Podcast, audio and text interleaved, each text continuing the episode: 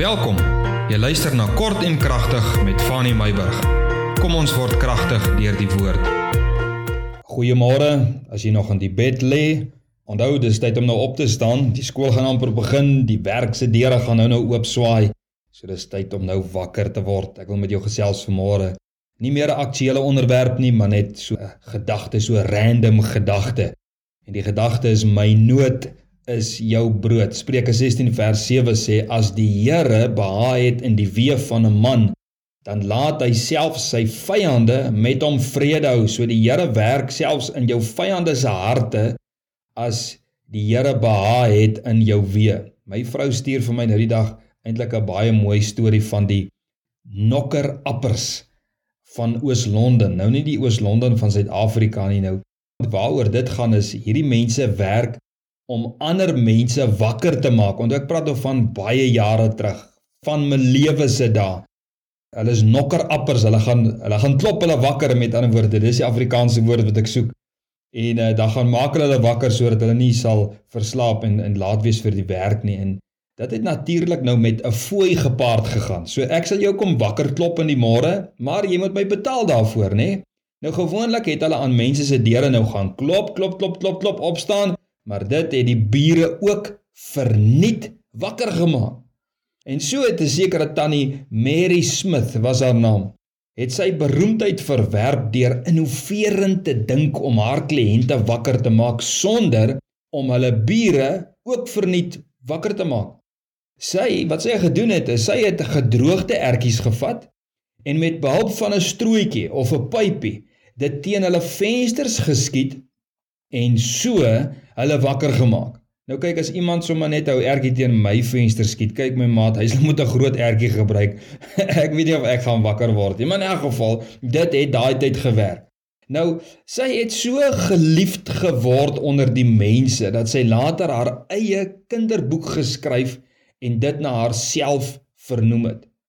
Nou dit is van waar die naam Pea Shooter vandaan kom. Oulik nê, nee, baie interessant. Hierdie vrou het mense wekker wakker gemaak deur ertjies teen hulle venster te skiet. En dis waar die woord vandaan kom wat ons algemeen gebruik en in die skole toepas. Die pea shooter. Die kinders skiet mos mekaar sommer wanneer 'n mens gaan uit eet so met die strooitjies met 'n stukkie papiertjie wat hulle so kou dan word skiet die kinders mekaar met die pea shooters.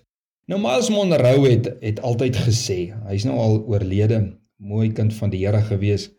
Hy het altyd gesê as jy 'n behoefte kan raak sien en dit kan aanspreek, sal jy nooit honger gaan slaap nie. Jy weet ons het mekaar nodig veral in uitdagende tye soos nou waarin ons lewe. Mense dalk soos raadgewers, mense wat buite die boks kan dink, mense wat buite die boks kan optree. Jy weet krisistye nê, het die geneigtheid om 'n mens te laat fokus op die probleme en jou so te verblind dat jy nie uitkoms kan sien of innoverend kan dink nie. Het jy dit al agtergekom? Oomblik wanneer 'n krisis slaan, dan gaan dit amper asof iemand jou in jou wind geslaan het. Jy weet nie nou watter kant toe, links, regs, vorentoe, agtertoe moet ek stop, moet ek aangaan, wat moet ek wat moet 'n ou doen nie. En dis in hierdie tye wat 'n ou innoverende gedagtes nodig het om wanneer dinge skeef draai of teen jou begin die winde teen jou begin draai dat jy kan agterkom wat anders om te doen. Nou, ek het 'n baie kort gedagte wat ek vanmôre wil deel. Jy weet, hierdie vrou het 'n paar goed reg gekry wat ek glo baie van ons ook kan help. Veral wanneer ons so die wind van voor kry en wanneer dinge so sleg teen 'n mens draai. Ek wil gou-gou vinnig 'n paar gedagtes met jou deel uit hierdie vrou se verhaal. Nommer 1. Sy het 'n behoefte geïdentifiseer. Nou ook na aanleiding van Miles Monroe wat gesê het dat uh, as jy 'n behoefte kan raak sien, en dit kan aanspreek, sal jy nooit honger kan gaan slaap nie. So wat het hierdie vrou gedoen? Nommer 1, sy het 'n behoefte geïdentifiseer om mense wakker te klop dat hulle betyds kan wees vir die werk. Nommer 2, sy het dit aangespreek en sy het dit verfyn, hè. Sy het dit ontwikkel in plaas van om te klop, het sy 'n pypie met 'n ertjie, 'n droë ertjie gebruik. Nommer 3, sy het in mense se harte ingeklim, mense se guns gewen, liefde van mense ontgin vir haar. Nommer 4, sy het mense laat glo dat hulle nie sonder haar kan klaarkom nie. Die mense het later sonder bekommernis gaan slaap dat hulle môre gaan laat wees vir werk want hulle het geweet en hulle het geglo hierdie vrou gaan ons wakker maak en hulle kon later nie sonder haar klaarkom nie. Volgende gedagte, sy was altyd op tyd met ander woorde. Dit moes so gewees het, nee, ek weet nie of sy dalk verslaap het nie, want niemand het seker teen haar venster gekom skiet met 'n ertjie nie. Maar ek glo sy was altyd op tyd, want die mense het haar gelyk. Sy was in die mense se harte gewees. Die mense het op haar staat gemaak. Die volgende gedagte, sy het persoonlik ontwikkel en dis ook vir my 'n baie mooi ding. Hierdie eenvoudige werk het haar nie net op die map geplaas nie, maar het haar persoonlik so ontwikkel dat haar naam op baie huishoudings se koffietafels beland het deur die boek wat sy geskryf het. Wie sou ooit kon dink nê dat 'n pea shooter tannie oënskynlike niks seggende tipe werk 'n boek kon skryf en natuurlik het haar boeke addisionele inkomste mos nou ook vir haar verseker. Nou Salomo sê dat selfs jou vyande vrede met jou wil hou omdat God 'n behaag het in jou wee. Nou God het 'n behaag in jou wee as jou wee nie besaai is met ongeregtigheid nie. As jy 'n pad van geregtigheid stap, iemand wat in die waarheid loop, sal selfs jou vyande met jou tevrede wees en met jou besigheid wil doen en jou raad wil hê want jy loop 'n reguit pad. Jy weet 'n mens pluk nie altyd dadelik die vrugte om 'n reguit pad te loop nie, maar ons weet dat God se seën is op diegene wat reguit paaie loop en daarom sal daar altyd guns op jou lewe wees want God is tevrede met jou lewe. So kind van die Here net so op die sideline is my gedagte maar net vir jou vanmôre. Dalk is jy die innoverende een. Dalk is jy die een wat planne en gedagtes en idees het wat jy kan met iemand anders deel wat dalk 'n bietjie sukkel en dalk die wind van voor kry en dalk in die wind geslaan is deur die lewe. Dalk is jy die een wat daardie persoon kan help om innoverend te dink. Miskien is jy die een wat moet begin innoverend dink. Miskien werk die dinge net nie meer vir jou soos wat dit gewerk het nie.